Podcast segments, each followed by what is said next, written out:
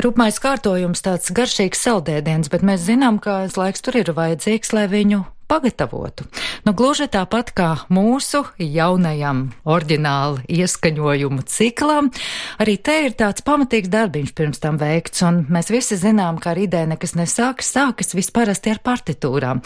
Un tieši tās partitūras pa visām iespējamām Latvijas vietām ir meklējusi Ilza Mētne. Paldies, Ilza, ka tu šorīt arī ieradies šeit klasika studijā. Varbūt izstāsti, kā sākās tas process un vai tas bija gluds process.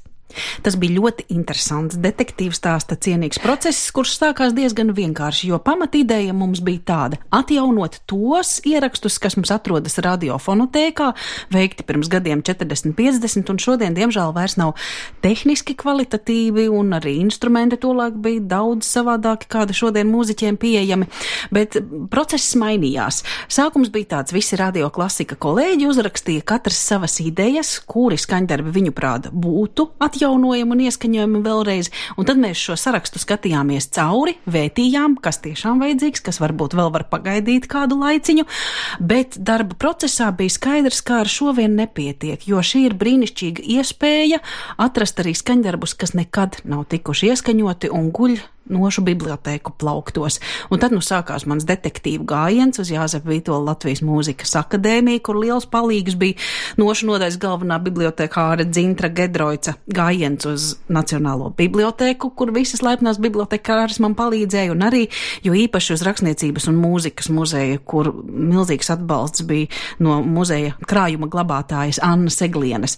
Un tad nu šķirstot kartotēkas un meklējot pēc autoru vārdiem viņu skaņdarbus, atradās patiešām brīnumaini skaņdarbi, kuri patiešām nezināmi, daudzi no viņiem pat autoru darbu sarakstā nebija minēti, patiešām zelta dzīslas, no kurām mēs ļoti, ļoti nelielu daļu tikai šajā projektā varējām iedzīvināt, bet es domāju, ka tas ir vispār sākums skaistam procesam, ko es ceru, ka arī mūziķi sajutīs tā garšu, ka Ir jauki, ja skaņdarbi top šodien un tiek pasūtināti komponistiem, tas ir brīnišķīgi, bet tomēr ir tik ārkārtīgi daudz vērtīgas mūzikas, kas vienkārši guļ nošu biblioteku plauktos un kurus mūziķu acis nav pamanījušas.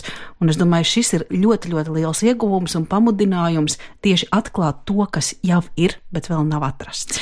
No nu, šodien komponisti galvenokārt notis jau raksta datorā, bet droši vien, ka tev bibliotēkās pārsvarā iznāca saskarties tieši ar rokrakstiem. Ne tikai, gan ar notiem, bija, kas savulaik padomi laikā izdotas, jau piemēram 50. un 60. gados, bet bija, protams, arī rokraksti. Un tad nu, mēs skatījāmies, vai vispār ir saprotams, kas tur ir, kuri ir atjaunojami, un paldies kolēģei Ievai Zeidmanei, kurai šis noša pārrakstītāja prasmes ir, un viņas skaņdarbiņus arī pārrakstīja. Un šis darbs tiešām bija arī tehniski ļoti interesants.